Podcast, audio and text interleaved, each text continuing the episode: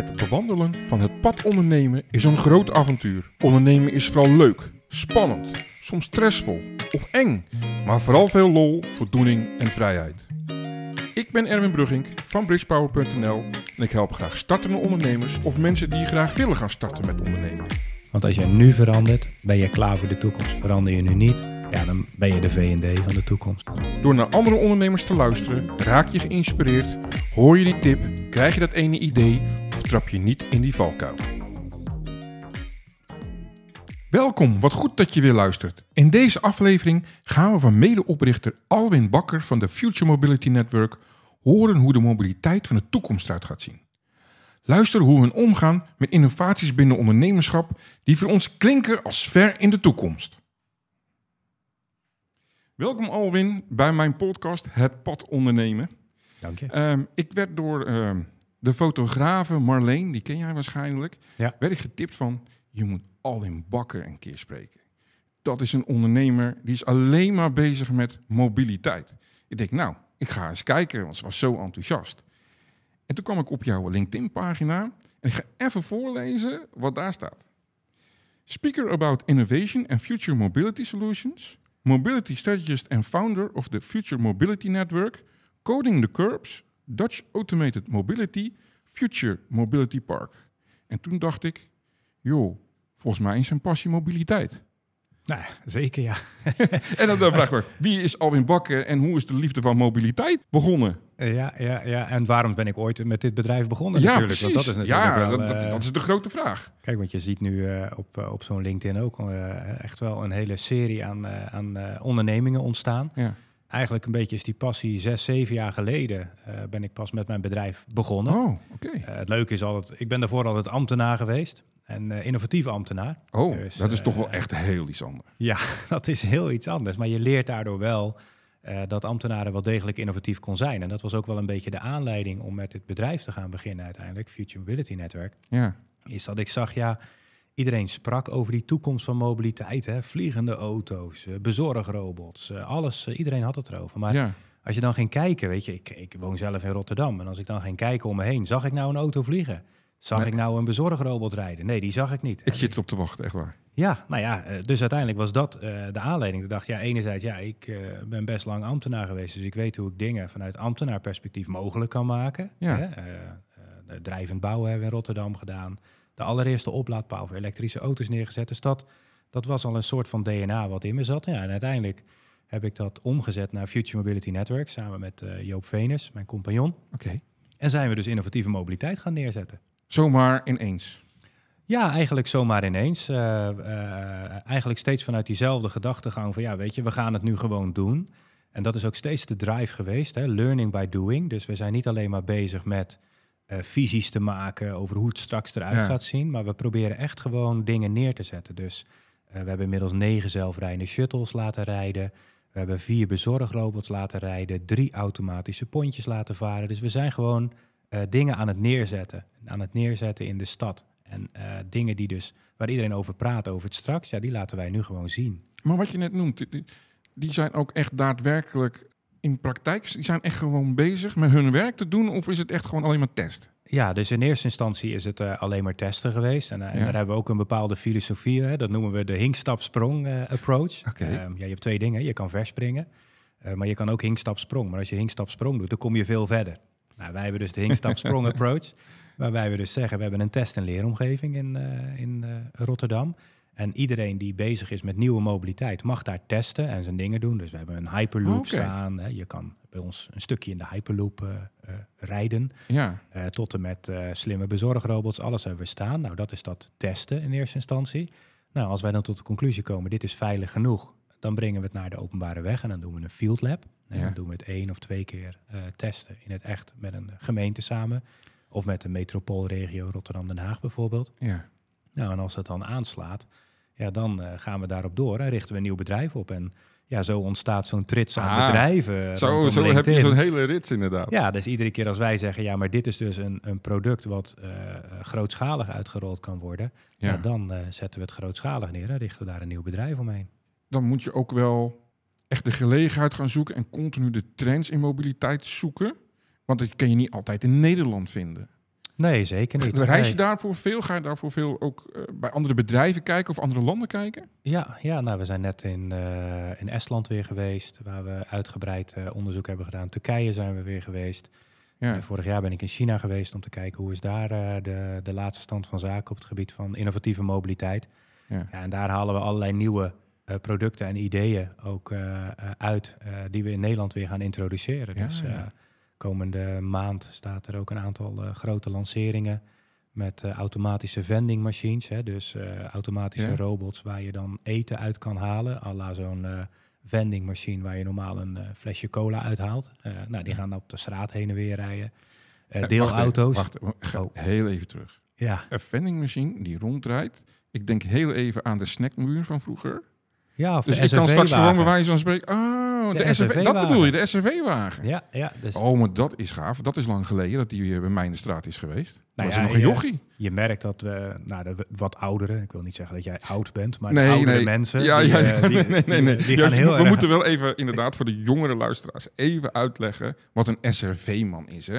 Ja. Ga je, doe jij dat maar eens even. Ja, dus de SRV-wagen was een blauw met witte Ja. eh, wagen vroeger, een, eh, een bijna vierkante wagen. En daar zat een eh, meneer in en die kwam langsrijden. Ja. En dat was eigenlijk een rijdende supermarkt. Hè? Dus dan Ja, kon je gewoon naar binnen lopen en die kwam door de straat heen. En dan klingde die een paar keer met zijn belletje en dan liep je naar buiten toe en dan deed je boodschappen. Ja, ja, ik zie mijn moeder nog doen hoor.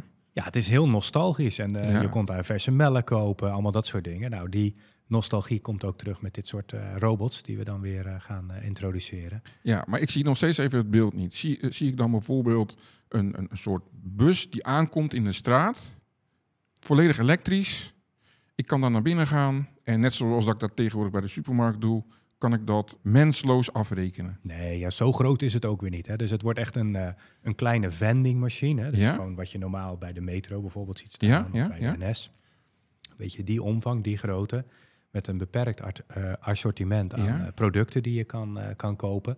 En die kun je dan gewoon met je iPhone scan je die. Dus het is ongeveer een, een voertuig van, laten we zeggen, anderhalf tot twee meter groot. Ah. En dan anderhalf tot nou, nou, twee meter hoog, ook niet anderhalve meter hoog. Ja, Ja, en, en dat type voertuig gaat dan rijden. in, En, in een bepaald gebied, zeg maar. ja, in een bepaald gebied. Ehm eh, veelal zijn we nu nog aan het rijden op semi-openbaar terrein. Ja. Eh, dus we hebben eh, gereden met eh, bezorgrobots bij eh, Erasmus Universiteit. Waarbij we samen met de universiteit proeven hebben gedaan. Met Spar University hebben we proeven gedaan. Om Ja. met zo'n robot gewoon eens te kijken, ja, hoe reageren mensen erop? En wat willen ze ervoor betalen? Ja. Hoe reageren ze als zo'n robot ineens naast je loopt? En hoe reageren fietsers en voetgangers erop? Het zijn allemaal dingen die we onderzoeken ja, door het te doen. Ehm, en dit soort onderzoeken zetten we ook door. Hè. We gaan nu Tech for Good eh, ook uit, uitlopen. Dat is ook een project wat in eh, september gaat lopen. En dan gaan we kijken hoe reageren oudere mensen op eh, bezorgrobots. Hè. Want dat is natuurlijk ook een groep, nou ja, door de, Nou ja, door de vergrijzing. Dat wou ik net zeggen. Er- komen meer oudere mensen dan jongere mensen op dit moment in Nederland. Nou ja, precies. En, en wat, wat, wat, ons heel erg, ja, wat bij ons heel erg meespeelt in onze gedachten is van ja, eh, we hebben altijd heel erg gefocust op technologie. Hè? Dat is eigenlijk wat je iedereen ziet doen. Ja. Dus de te- technology push, zoals ze dat Ja, dan heet. Ja, Maar wij zien steeds meer, ja, maar je hebt wel bepaalde maatschappelijke vraagstukken die ermee opgelost moeten 100 worden. procent. Hè, dus we zijn bezig met logistieke vraagstukken waarbij er gewoon een personeelstekort is om eh, bepaalde handelingen te verrichten. We zijn bezig dus met dit soort robots en ouderen om ouderen uiteindelijk eh, hun boodschapjes weer bezorgd te laten krijgen, omdat er gewoon eh, te weinig mensen zijn die dat kunnen doen. Ja. Nou, en dat vind ik een hele belangrijke vanuit hetgeen wat wij aan het doen zijn. We niet alleen dus eh, nou ja, vanuit een hobbyisme een aantal Ja. leuke pilots draaien. Nee, er zit steeds ook een maatschappelijk vraagstuk achter. Hè? Een maatschappelijk vraagstuk wat we willen oplossen. Een maatschappelijk probleem wat we willen oplossen. Nou, en dat vergeten heel veel mensen. Dat het draait dus niet alleen over techniek, maar het gaat ook over ja, het daadwerkelijk oplossen van specifieke maatschappelijke problemen. Ja, maar dat is natuurlijk ook vaak waar we in het ondernemerschap over praten. Van, maakt even niet uit wat je doet, maar welk probleem los je op? Ja, precies. En, en dat is het leuke nu met die innovatieve mobiliteit. Er zijn best wel veel problemen hè, die, eh, die opgelost moeten worden. Dus eh, nou, waar we ook mee bezig zijn is een deelauto die naar je toe komt rijden. Hè, dat is ook zo eentje. Je hebt heel veel deelauto's die staan stil in eh, steden. Ja. En dat is eigenlijk stom. Hè, Nou, want, ik maak er veel gebruik van. Ik vind het echt ideaal. Ja, maar precies. Je moet wel 2 tot 300 meter lopen voordat je erbij bent. Hè? Of hij moet bij jou voor de deur Nou, staan. ik zeg gelukkig dat ik in het centrum zit met heel veel deelauto's. Ja, maar inderdaad, dat klopt. Als je verder weg woont, dan, dan is het niet ideaal. nee, dus eh, wij zijn nu met een oplossing bezig. Waarbij die deelauto, als jij hem bestelt, dan komt hij voorrijden automatisch. Ja, dat zou echt ideaal zijn. Nou, en, en dat is dus geen eh, toekomstmuziek. Hè? Dat is gewoon iets wat we in september, oktober in Nederland gaan, eh, gaan introduceren. Dus het is steeds vanuit een realistisch perspectief kijken naar wat zijn technologische ontwikkelingen die op ons afkomen. Die zetten we neer. Hè? Dat doen we in Future Mobility Network. En als we dat dan getest hebben, ja, dan schalen we het op in die, eh, in die andere bedrijven waar Ja. ik het over had. En dan kun je heel snel, nou ja, er komen allerlei nieuwe ideeën dan. En eh, dat wordt uiteindelijk weer een succesvol bedrijf. Ja. Nou, mooi. Ik ga, ga ik straks nog even een paar vragen over stellen. Dat mag. Maar ik wil ook even terug naar de ondernemer Alwin Bakker. Hè, Je Ja. was dus eigenlijk, eh, had je een hele veilige baan. Je was eh, ambtenaar. Ja. Mooi natuurlijk. Je was wel bezig met mobiliteit voor steden. Ja. Toen besloot je om ondernemer te worden. Hoe vond je dat? Hoe vond je dat gaan? Wat was, had je daar nog veel problemen mee om, om die omschakeling te maken? Nou, dat is grappig. Ehm, ik, ik beschouwde me eigenlijk ook altijd gewoon als een ondernemende ambtenaar of zo. Hè. Ik weet Ja. niet precies hoe je dat dan moet definiëren, maar eh, er zat altijd een soort van ondernemerschap in mijn bloed. Waarbij ik, eh, als ik bijvoorbeeld eh, iets wilde realiseren, ook bij Ja. het ambtenarijschap, eh, altijd op zoek ging naar wat zijn de kansen. Wat is wel mogelijk, wat kan wel. Ja. En, en die lijn die heb ik heel sterk doorgezet ook in Future Mobility Network, het bedrijf wat we nu hebben. Waarbij ik echt een push heb op innovatieve dingen realiseren. En het grappige is, dat doe ik vanuit ondernemerschap, maar ik zie ook daadwerkelijk niet zozeer de beperkingen. Hè? Dus iedere dag weer, als ik, als ik een beperking zie, dan organiseer ik daar iets nieuws omheen, waardoor we wel kunnen groeien. Eigenlijk altijd gaat die lijn eh, omhoog. ja. En dat is, ja, dat vind ik een hele belangrijke eigenschap van een goede ondernemer, is dat je altijd weer die nieuwe kansen ziet. Eh, en daaromheen, hè, en dat is eh, denk ik wel het, het belangrijkste succesfactor ook, de juiste mensen allemaal bij elkaar brengen. Weet je, in, een gave absoluut. omgeving. Nou, je Ja. bent nu ook te gast bij ons Ja, in, dat is schitterend. In Next Delft, eh, Ja. wat een eh, nou, ja, volledig duurzaam gebouw is, eh, op de TU Delft campus. Ja. Ja, echt gewoon, nou, ook qua gebouw is dat een dusdanig aantrekkelijk gebouw. Dat mensen hier graag willen zijn en willen werken. Ja, en dat is eigenlijk het hele idee ook achter Future Mobility. Niet alleen maar leuke innovatieve dingen neerzetten, Nee. maar ook een goed team met elkaar hebben. Ja, die allemaal volgens diezelfde drive dingen willen neerzetten en allemaal durven omdenken. Leg dat eens uit, want ik zie jou ook allemaal over, over connect the dots. Ja, connecting the dots. Ja. Dat is, ehm, ehm, hè, dus proberen dat, dat eh, omdenken is bij ons heel erg vormgegeven vanuit, ehm, nou, je kan dus eh, lineair denken. Hè, dus je kan lineair denken van ik moet van A naar B. Maar als je met innovatie bezig bent, ga je nooit van A naar B. Dat kan niet. Hè. Eh, dat gaat altijd van A naar B, naar C, naar D. Ja, ja, je doel ga je nooit in een rechte lijn, zullen we maar even zeggen. In Nee, het ondernemerschap zeker niet. Nee, maar alles wat wij ook doen is ook nieuw. Snap je? Ja. Dus er is geen standaard eh, werkwijze voor. En dat vraagt wel iets van mensen. Hè. Dat betekent dus, ja, je kan, eh, je kan onze mensen opleiden tot projectmatig werkers of zo, weet je, Mhm, dat soort mhm. dingen. Maar ja, ja, ik zoek geen projectmatige werkers. Want eh, ja, die kunnen leuk een project Ja. draaien. En nou, die kunnen heel leuk consultancywerk uitvoeren. Maar dat is niet het type DNA waar wij naar op zoek zijn. Wij willen mensen die altijd op zoek gaan van... Hè, de klant vraagt A naar B. Maar uiteindelijk gaan wij toch via C en D kijken of we toch nog iets anders neer kunnen zetten. Dus ja, ja, ja. dat is wat we heel erg aan het pushen zijn. Van ja, denk nou net even anders. Maak nou net even dat, eh, dat andere stapje. Ja, probeer eh, voor beide horizon te kijken, zullen we maar even zeggen. Ja, letterlijk. Ja, Letterlijk, Ja. ja. En dan is het altijd wel, eh, ik merk wel, de ideeën, hè, de nieuwe ideeën genereren. Ja, dat is wel weer een bepaalde skill. Hè. Dan moet je wel een bepaald, nou, je, je noemde het net al even, hè, je moet een bepaald gevoel hebben. Wat is nou een probleem? Hè? Wat is Ja. nou een probleem wat Ja. techniek kan oplossen? Ja, dat matchmaken, dat is ook niet iedereen gegeven. Hè. Dus we hebben een paar business developers die daarop eh, inzetten. Eh, maar we hebben dus ook gewoon goede projectleiders die uiteindelijk die projecten en al die innovatieve dingen die, we- die wij verzinnen ook weer goed neer kunnen zetten. En dat is wat ik bedoel. Je hebt zo echt een belangrijk team nodig. Ja, en dat is eigenlijk iets wat ik vanaf dag één heb geleerd. Je kan dit niet alleen. En daar is misschien ook wel, eh, ik zeg dat weet ik niet zeker, maar dingen ontstaan soms Ja, een beetje ja. vanuit het eh, niets. Maar zo'n netwerkidee uit voortgekomen. We werken heel erg met samenwerkingspartners. We zijn altijd op zoek naar, kunnen we mensen op een juiste manier verbinden? Eh, kunnen we bedrijven op een goede manier Ja. verbinden rondom al die dingen die we aan het doen zijn? ja. Ja, en op die manier creëer je bijna een beweging rondom innovatieve mobiliteit. En is het dus niet zozeer een bedrijf wat we aan het doen zijn, maar we zijn een beweging aan het creëren. We laten continu zien aan Nederland wat er wel mogelijk is. Ja. Is dat ook waar, hoe jij jouw personeel vindt? Ja, de mensen die je nodig hebt vindt? Door, Ja, door ze mee te nemen in een beweging in plaats van je komt zomaar bij een bedrijf werken? nou ja, grappig dat je LinkedIn noemde. Dat is voor ons een hele belangrijke bron. Hè? Dus Ja. wij, eh, wij kijken ook heel erg naar het, eh, nou ja, eh, hoe, hoe we ons bedrijf neerzetten. Hè? En doordat we die filmpjes laten zien van de bezorgrobots. ja. Nou, we hebben de eerste dronevlucht gedaan in Rotterdam. Weet je, had ook nog niemand gedaan. Ja, wij hebben twee droneplatforms en die vliegen op en neer, die drones, eh, in, in de stad Rotterdam. Ja, daarmee laat je zien, ook aan mensen, ja, jongens, ehm, eh, jongens en meiden, het is, ehm, er wordt heel erg gepraat over die toekomst van mobiliteit, maar bij ons kun je het gewoon lekker doen. Ja. Weet je, en wees welkom. Ja, en dat vinden, nou, ja, met name ook hier bij de TU natuurlijk heel veel eh, mensen leuk. Ja, hè, ja, want ja. de, de, de- nou, dat vind ik altijd wel grappig als ik hier ook op de TU loop. Hè, dan heb je aantal van die ehm, omgevingen waar mensen de, de meest gekke dingen doen. Hè. Dan, dan bouwen ze een raket waarmee ze naar de Mhm. maan gaan vliegen en zo allemaal. maar het grappige vind ik, dan op de duur ben je klaar bij de TU en dan, dan ga je een kant op eh, in de corporates of zo. Ja, weet je? ja, en dan, ja. eh, ja, dan mag je een zelfrijdend systeem op een Volkswagen gaan zetten. Ja, ook leuk. Wegvrijheid. Ook gaaf. Ja, maar wegvrijheid. Ja. Weg, eh, ja, en wij hebben, eh, bieden ze wel een perspectief op. Je mag ook zelf creëren. Ja, hè. Dat ja. is voor ons heel van belang. Mensen in hun kracht zetten en dat ze zelf mogen creëren. Dus Ja. daar kijken we naar. We werken met insights profielen. Hè. Dus we kijken ook van, hey, matchen de mensen onderling ook goed met elkaar? Ja, en, Ja. En, en daarnaast, maar dat is meer...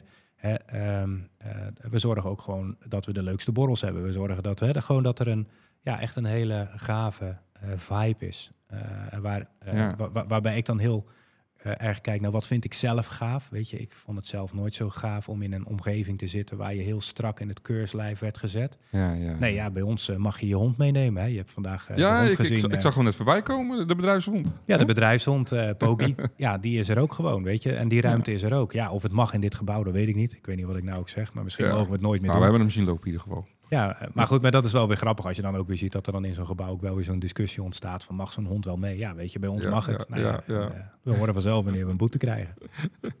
Hey, maar ehm, je bent best wel veel bedrijven natuurlijk. Je bent daar een heel structuur van aan het opzetten. Ja. Hoe, hoe krijg je dat gemanaged? Eh, want ja, je moet, je moet best wel veel schoteltjes omhoog houden zo.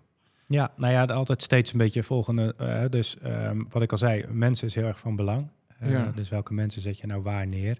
En eh, wie geeft je welk vertrouwen? Dus eigenlijk ieder bedrijf kent zijn eigen directeur, eh, die volledige verantwoordelijkheid draagt. En ook Ja. gewoon zelf verantwoordelijk is voor die hele toko te draaien. En eh, Ah. ja, dat is een beetje hoe wij het doen. Dus we, we geven snel aan, nou, veelal ook jonge mensen, heel veel verantwoordelijkheid.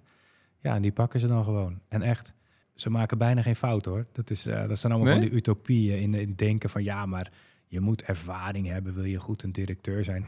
Weet je, iedereen kan een huis onderhouden. Iedereen weet hoe je boodschappen moet doen. Ja, Daar ja. hoef je echt niet eh 80 voor te zijn of 40. Iedereen weet wel hoe je een, ehm, nou, een bedrijf in stand houdt. Eh. Of een bedrijf opbouwt. Nou, en daar geven we handvatten bij, daar helpen we ze bij. We hebben allerlei trainingen waardoor je nou ja, gewoon echt eh hands-on leert van nou, zo, eh, zo kan ik het doen. En dan als je dus overal de juiste mensen eh, eh, hun dingen laat doen, ja, dan ontstaat er zoiets moois. Want A, iedereen heeft vertrouwen, weet je. Want je, ja, je, Ja. je hebt de ruimte om je dingen te kunnen doen. Zonder vertrouwen geen relaties, hè? Nou ja, precies. Ja, maar dat is heel simpel hoor. Dus, en dat, eh, en, eh, de- dat is een van de essentiële dingen die ik ook heb geleerd. Laat lekker los. Weet je, Ja, het is echt gewoon. Mooi, joh. Het is echt eh, de- het, het leukste om het los te laten en ga gewoon focussen. Nou, in mijn geval, wat, wat ik goed kan, is gewoon ja, nieuwe opportunities, nieuwe kansen. Hè. Ga ik daarop zitten? Nou, dan ga ik daarop zitten. En daaromheen, alles wat je wat minder goed kan, ja, organiseer het lekker weg bij mensen die het wel leuk vinden. Nou, Ja. en dat is hoe we het doen. Heb je een vraag of kom je ergens niet uit? Stuur me dan een berichtje en wie weet behandelen we je vraag in de podcast. Check de website bridgepower.nl of de socials en gooi het over de digitale schuttingnamen. Hey, wat vind jij het moeilijkste in je ondernemerschap als ondernemer? Privé-werkbalans, dat is echt een, eh, een uitdaging. Ja, Ik ben nu ook eh, eh, lid geworden van een, eh, een groep mannen. En dat proberen we, dat zijn allemaal ondernemers met elkaar. ja, ja. En dan probeer je met elkaar ook elkaar te coachen eigenlijk op drie elementen. Hè. Op, je, op je fysiek, hè, dus je, Ja. je lijf, je sport goed in de gaten houden. Op je relatie, hè, dus goed zorgen dat je je vrouw, kinderen ook de aandacht geeft die, Heel ze, belangrijk. die ze verdienen. Eh, en de onderneming, hè, dus ook zorgen dat die onderneming staat eh, zoals Ja. die zou, eh, zou moeten staan. Ja, en daar haal ik uit die drie-eenheid, hè, dat is iets Ja. wat ik continu nu aan het, aan het monitoren ben vanuit mijn gevoel. Hè, van, gaat dit nou goed? Ja. Ben ik nou op die, al die drie elementen goed bezig? In plaats van maar op één. Nou, en zo hou ik wat balans in die, die privé-werkomgeving. Eh, waarbij, nou ja, met sporten ook bijvoorbeeld, ja, ik heb gewoon een ondergrens, drie keer per week moet ik sporten, punt, weet je. Goede voeding, eh, ik zorg gewoon dat ik de beste voeding eh, na- naar binnen werk. Ja, dat zijn allemaal hele Nee, elementen, maar dat hoort, ik vind, ja, ondernemen is ook topsport wat dat betreft, weet je. Want er zit zeker geen, topsport. bij mij zit er bijna geen begin en geen eind in. Nee, ik voel je energie inderdaad. Ja, nee, maar dat, dat is ook gewoon zo. En eh, misschien komt het omdat ik net vakantie heb gehad. Nee, Ja, ja, ja, je hebt wel een mooie bruine kop natuurlijk. Ja. nee, dus er zit een soort van eh, drive achter. Ja, al die drie elementen moeten goed in balans zijn. En dan eh, kun je succesvol zijn. Anders niet. Weet je, ik vind, ja, als je als ondernemer hartstikke dik bent en je hebt je relatie niet op orde, dan denk ik, ja, weet je, dan ben je niet goed bezig. Want dan ben je misschien, heb je heel veel geld verdiend, Ja, maar wat ben je dan uiteindelijk? ja. Dat vind ik echt een, eh, een essentie dus van eh, het goed ondernemen. Dat je al die drie dingen goed in balans hebt. Dan ben je goed bezig. Ehm, het brandt mij een vraag. Wanneer denk jij dat we met dat de auto's rondrijden zonder chauffeur? Dus zelfsturend zijn. Nou ja, dat is een hele interessante vraag die je nu stelt. Hè. Ehm, eh, voor mij is dat al gewoon mogelijk. Hè. We hebben heel veel testen en proeven al gedaan. Waarbij eigenlijk iedere keer is gebleken dat we nul incidenten hebben. Weet je, we hebben ze- zeer beperkt ongelukken gehad. Eh, met de systemen die we allemaal Ja. in operatie hebben gebracht. En het is allemaal verwaarloosbaar klein. Hè. Gewoon, eh nou, zullen we zeggen, de lakschades, eh, die hebben we gehad. Maar die had je ook met een reguliere auto gehad. En nu zie je eigenlijk nog wel steeds dat er een soort van angst is. Hè, met die volledig autonome auto. Hè. Dat is eigenlijk Ja. dus een auto die helemaal zelf denkt en in een Ja. straat rijdt. Ja, Dus waar wij nu op inzetten, dat is die tussenvorm. Waarbij we zeggen, ja, je kan ook remote controlled. Hè. Dus er zit iemand op afstand en die stuurt een voertuig. ah, net als een drone. Ja, zoiets. Ja, zo kun je Ja. het een beetje zien. Een drone Ja. heeft ook eh, iemand die eh, Ja, op afstand precies. het in de gaten houdt en die eh controlt het. Nou, dat is nu de tussenvorm waar wij eh, heel erg op inzetten en ook in geloven. Ja, en daar zit altijd nog een mens in control. En daarom hè, de, de use cases die ik je net noemde met eh, deelauto's die dan rijden. Eh, dat zijn allemaal voorbeelden waarbij je dus over een korte afstand met een voertuig eh, ergens een extra service kunt bieden. Ja, maar nou zie ik eh, het voor me met de deelauto. Dat Ja. als ik dus, ik dus een deelauto reserveer en ik zeg, nou, ik heb hem om half elf nodig. Dat er dus iemand op een kantoor, misschien wel zelfs thuis met zijn Playstation, dat zie ik dan even voor me, zegt van, oh, dat is vijf minuten rijden van hem vandaan. Ik zet hem even bij hem voor de deur. Precies, extra stukje service. Ja, maar, wie, maar dan wie is er inderdaad nou toch een mens onder controle. Ja, altijd een human in control. Ja, Ja, precies. alleen op een iets andere manier zoals we dat kennen. Hè. Er zit niet iemand rechtstreeks achter het stuur, maar er zijn extra functies die je op deze manier toevoegt.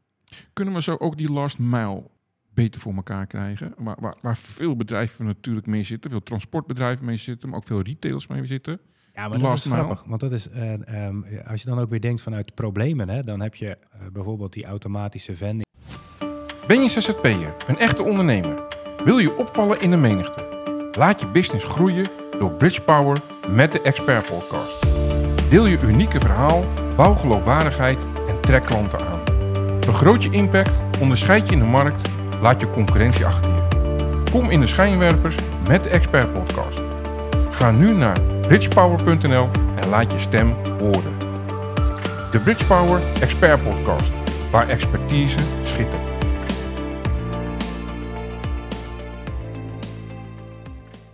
Machine, zo'n Ja, verkoopmachine die eten en drinken verkoopt, die heeft ook een last mile probleem. Je moet maar eens voorstellen dat je ergens naar zo'n vendingmachine moet lopen voordat je hem krijgt. Ja, wat wij oplossen, we brengen die machine naar jou toe. Ja. Ja, En hetzelfde met deelauto heeft ook een last mile probleem, waarbij je naar die auto moet toekomen, eh, lopen, maar die brengen we nu naar iemand toe. Dus die hele last mile problematiek is dus breder dan alleen maar mobiliteit. Hè. Het Ja. is breder dan alleen maar wat wij nu steeds zeggen. Ja, je moet zoveel meter naar de bus lopen. En daarom moeten er deelscooters, deelauto's zijn die dan die last mile verkleinen naar de bus of naar Ja. een, eh, een parkeerplek toe. Nee joh, die, die mobiliteitswereld en, en eh, het anders kijken naar wat zijn de problemen van de mensen. Ja, dat is waar wij heel erg op aangaan. Hè? Dus wij zorgen dat zo'n vendingmachine naar je toe komt. Wij zorgen Ja. dat zo'n deelauto naar je toe komt. Dus we denken net anders. En dat Ja. is de plus die wij in mobiliteitsland bieden.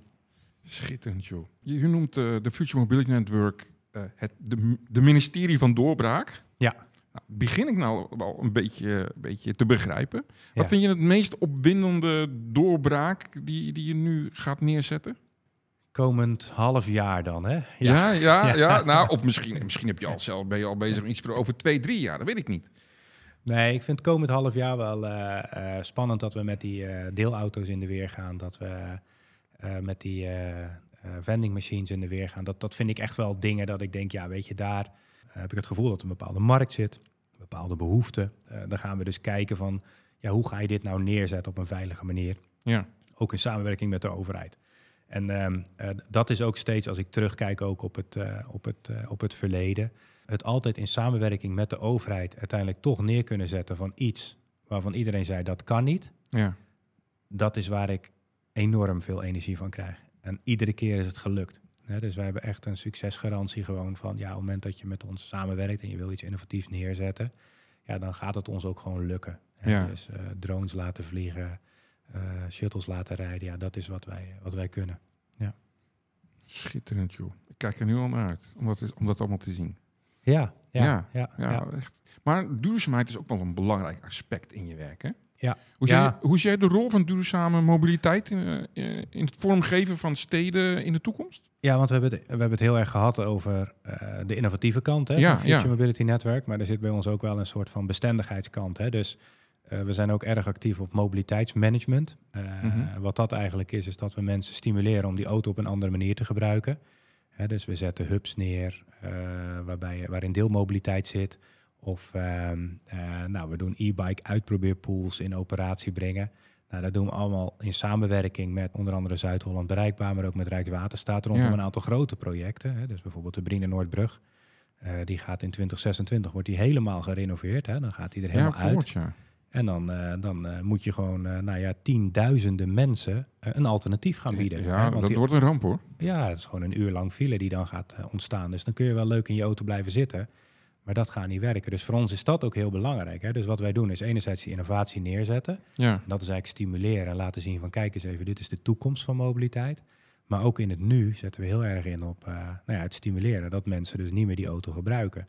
Nou, dat doen we rondom mobiliteitsmanagementprojecten, zoals eh, nou ja, wat ik al zei, de van Brien Noordbrug, alles wat er op, op ons af zit te komen. ja. Maar dat doen we ook rondom de gebouwde omgeving. Dus wij helpen ook ontwikkelaars met het nadenken over die mobiliteit van straks. Hè. Dus moet je je voorstellen, er, zijn nu nog steeds ontwikkelaars. Ja, ik, ik lach af en toe echt dat ik denk, hoe kan het nog? ja, ja, ja. Die nog eh, een parkeernorm van twee hebben. Hè. Dus die bouwen dan gebouwen en dan zetten ze er parkeergarages bij waar twee auto's in zitten per woning. Weet je, dat soort gekkigheid. Terwijl, ja, ik heb je net verteld waar die toekomst naartoe gaat. Weet je, waarom zou je nog zoveel parkeerplekken creëren? Dus voor ons is dat ook vanuit die toekomstige visie. Ja, je zet gebouwen neer voor 30 jaar, misschien wel 40, 50. Nou, sommige gebouwen staan 2, 2, 2, 300 jaar. En dan ga je daar nog dat soort ouderwetse parkeergarages neerzetten? Nee joh, kom op. Dat kan toch anders? Nou, daar adviseren we dus ook in. Maar steeds Ja. wel vanuit die, eh, hè, dat, dat gevoel van straks. Hè, dus wat zit er allemaal op ons Ja, af te ja. komen? En dan niet vanuit een visie of vanuit een boekje of vanuit een filmpje uit China. Nee, we hebben die dingen zelf rijden. We weten zelf wat ze wel of wat ze niet kunnen. Ja, adviseren we vervolgens op die andere innovatieve plekken. En stimuleren we mensen vanuit een realistisch perspectief om hun auto wel of niet te laten staan.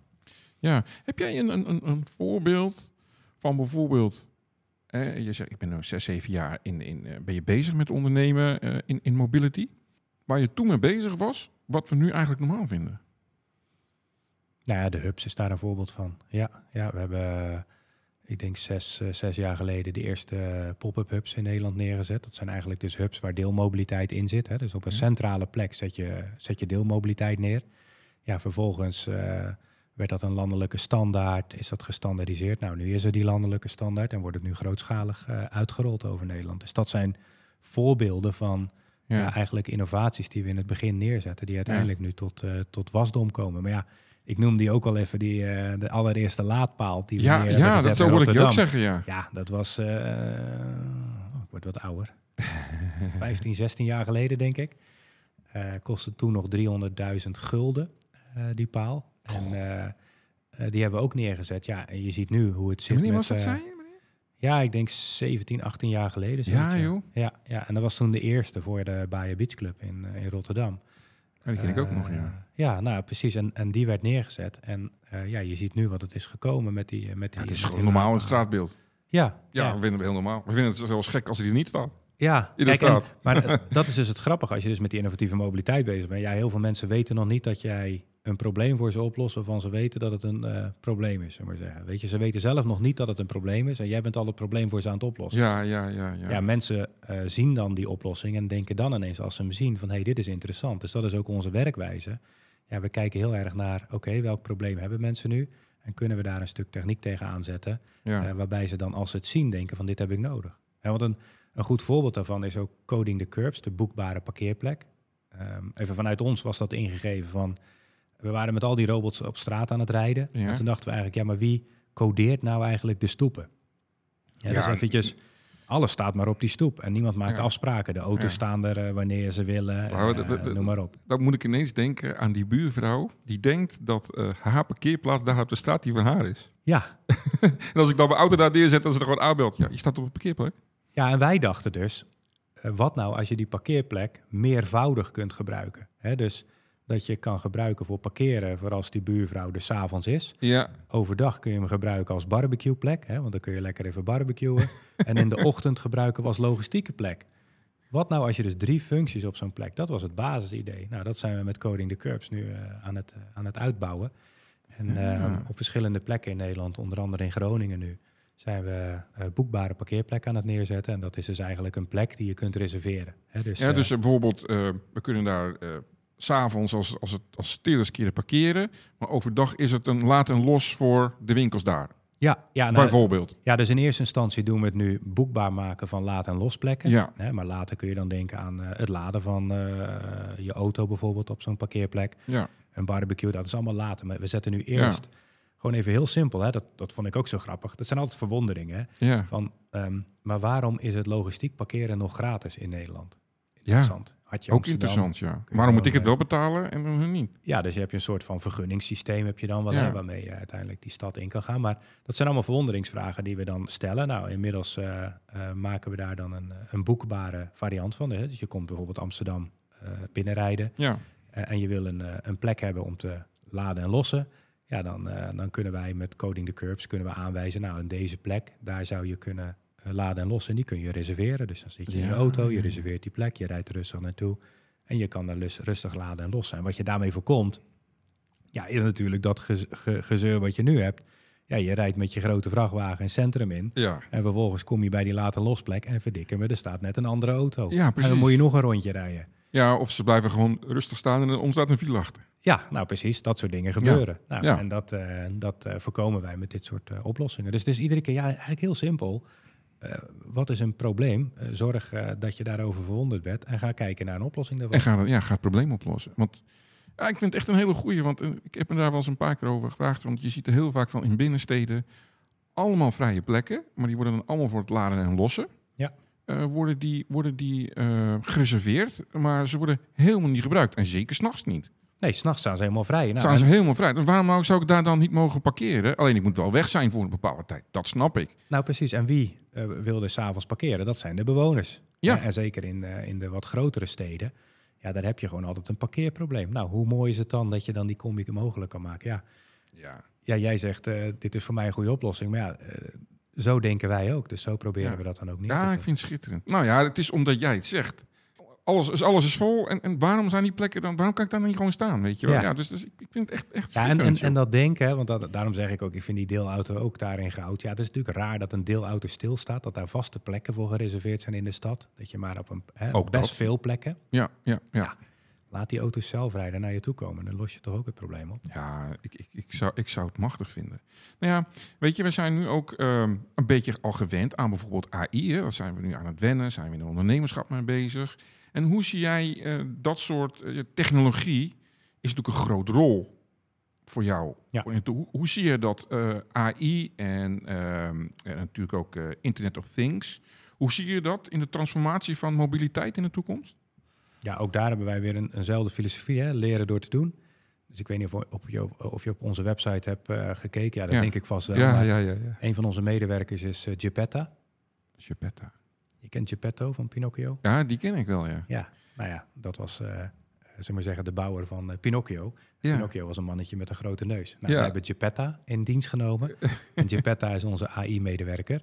Dus die spreekt soms de waarheid, soms niet. Dus wij kijken best wel sceptisch ook naar dit, dit, dit soort ontwikkelingen. Dus Ja. Geppetta is onze chat-GPT-medewerkster. Ja, ja, ja, ja. En zij helpt ons met het eh, geven van antwoorden op de vragen die er zijn.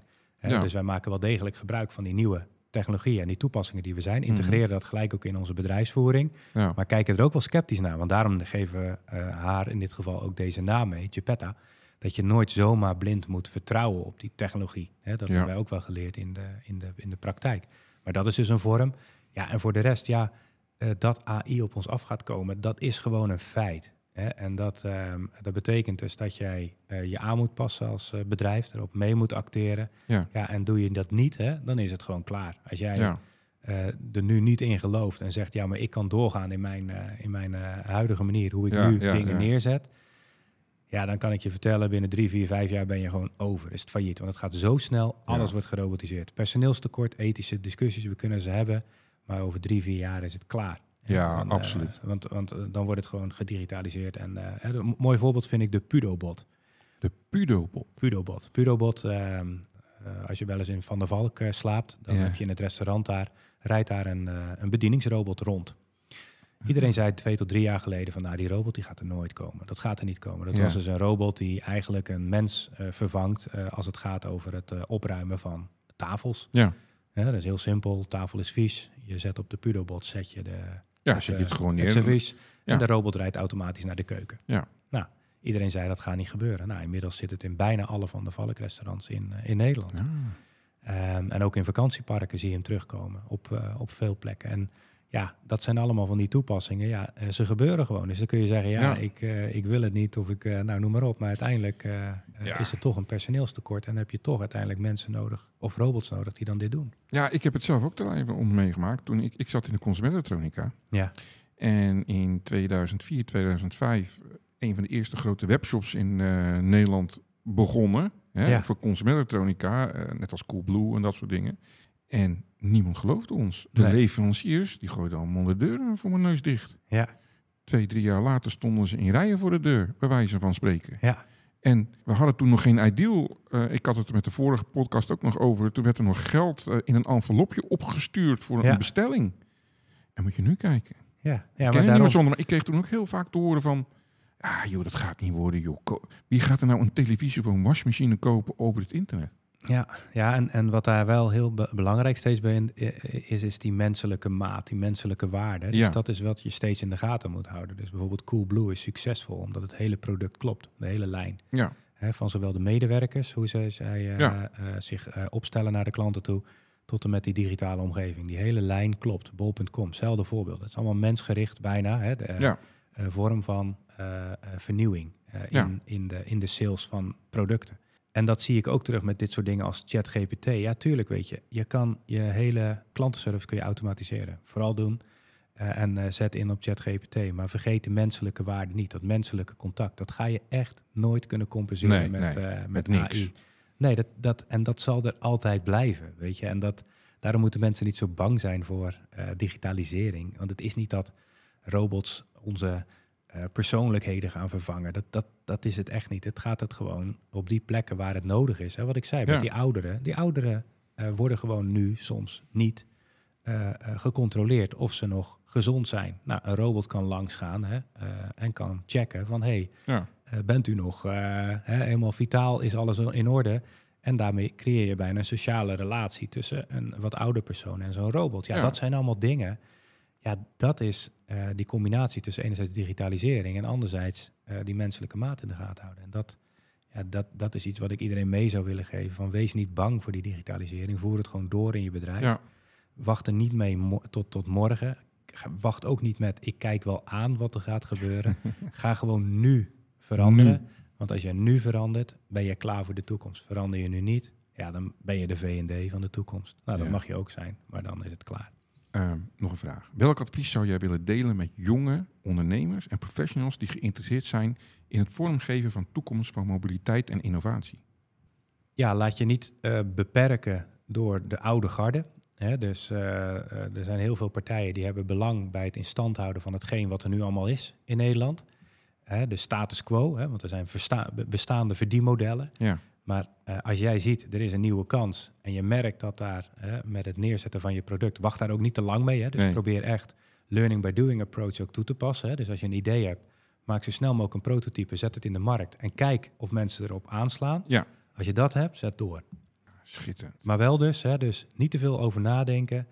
Ehm, ook stoppen met het schrijven van een businessplan. Want dat is ook zoiets. Daar gaan heel veel bedrijven aan kapot. Het schrijven van zo'n businessplan waarbij je alle risico's gaat lopen afdekken. Ja, dat, Dat eh, kan niet. Dat kan niet. Nou, niet als je op innovatie bezig bent, want Nee. er zijn alleen maar risico's. Ja, absoluut. Dus- dat snap ik. Als ik een businessplan had geschreven voor hetgeen wat ik nu aan het doen was, ja, dan had ik never de nooit dit Nee. neergezet. Want er waren te veel risico's. Nou, uiteindelijk is het toch succesvol.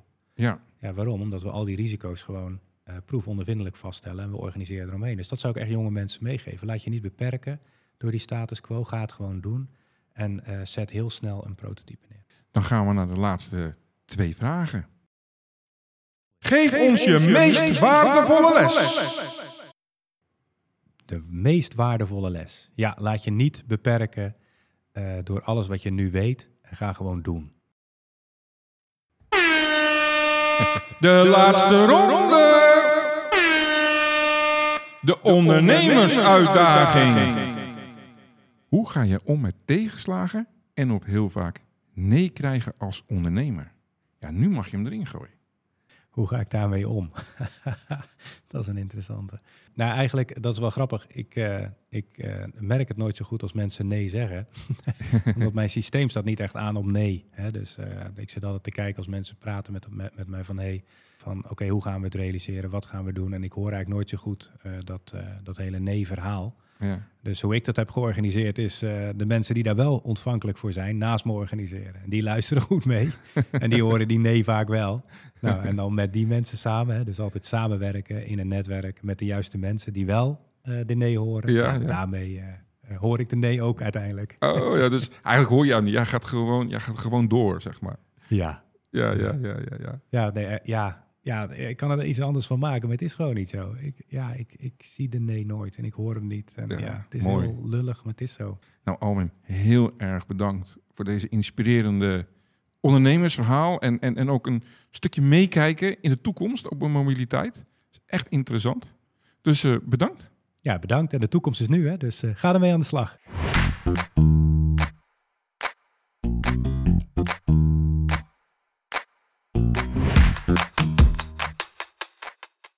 Vaak hebben we het over kleine stapjes je doelen halen. Als ondernemer bezig zijn met resultaat. Elke stap die je maakt is een bepaalde actie, een bepaalde richting op met een resultaat. Actie is nou eenmaal reactie. Om dit gecontroleerd te doen en richting aan te houden, gebruik ik de volgende methode. De triple A-methode. De triple A-methode versnelt en vereenvoudigt het opstarten van projecten in organisaties om snel en gestructureerd te kunnen starten. Echter, dit kan je in het klein en groot gebruiken. Voor elk proces, plan of doel die je wilt halen. De eerste A staat voor plan van aanpak. De tweede, actie, uitvoeren van je plan. De derde, analyseren. Wat is de uitkomst?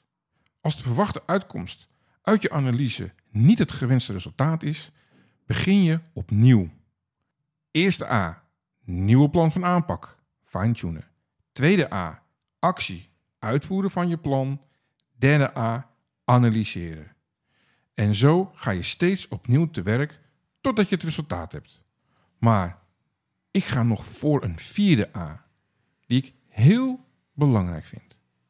Wat er vaak gebeurt is na de analysefase dat je gelijk een nieuwe plan van aanpak gaat maken. Vooral als de uitkomst heel slecht is van je plan. Vaak ga je dan gelijk uit emotie handelen, want je wilt dat het goed is en je wilt snel resultaat. Handelen vanuit emotie is vaak slecht. Het maakt je blik, je zicht troebel. Daarom na de derde A nog een A, namelijk de A van accepteren. Laat de uitkomst eerst inzinken. Denk erover na. Misschien moet je het wel een dag of nog wel langer laten bezinken.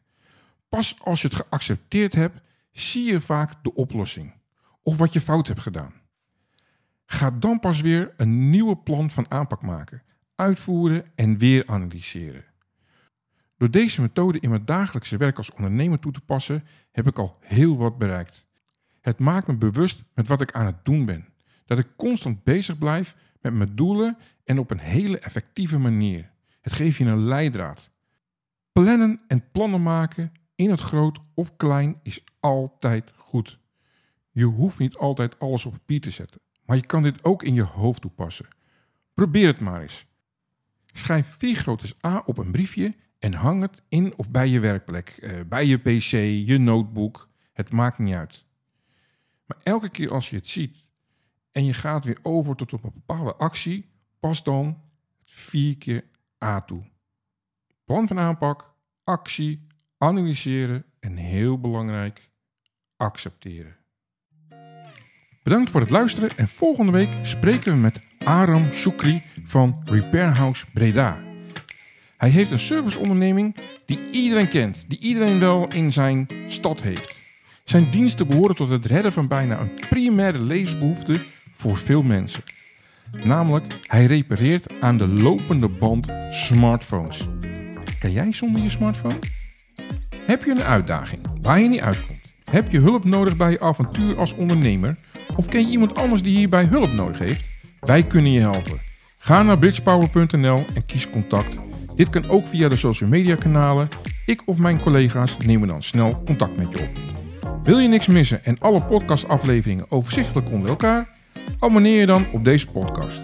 Klik in je podcast-app op subscribe of abonneren. En als laatste, je zou me enorm helpen door een review bij mijn podcast te plaatsen. Ga naar de podcast-app waarmee je deze podcast luistert en klik op reviews. Je kan dan bijvoorbeeld 5 sterren geven of een geschreven review achterlaten. Alvast bedankt en tot de volgende podcast van Het Pad Ondernemen. Ben je ZZP'er, een echte ondernemer? Wil je opvallen in de menigte? Laat je business groeien door Bridge Power met de Expert Podcast. Deel je unieke verhaal, bouw geloofwaardigheid en trek klanten aan. Vergroot je impact, onderscheid je in de markt, laat je concurrentie achter je. Kom in de schijnwerpers met de Expert Podcast. Ga nu naar bridgepower.nl en laat je stem horen. De Bridgepower Expert Podcast, waar expertise schittert.